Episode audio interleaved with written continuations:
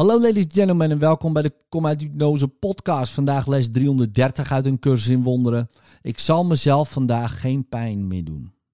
Laten we deze dag vergeving aanvaarden als onze enige functie. Waarom zouden we onze denkgeest aanvallen en hem beelden geven van pijn? Waarom zouden we hem leren dat hij machteloos is, wanneer God zijn macht en liefde aanreikt en hem uitnodigt te nemen wat reeds het zijn is? De denkgeest die bereid is gemaakt de gaven van God te aanvaarden, is aan de geest teruggegeven en breidt zijn vrijheid en zijn vreugde uit zoals het de wil is van God, verenigd met die van Hem. Het zelf dat God geschapen heeft kan niet zondigen en kan daarom niet lijden. Laten we er vandaag voor kiezen dat Hij onze identiteit is en zo voor goed ontsnappen aan alles wat de droom van angst ons schijnbaar biedt. Vader, uw zoon kan niet worden gekwetst.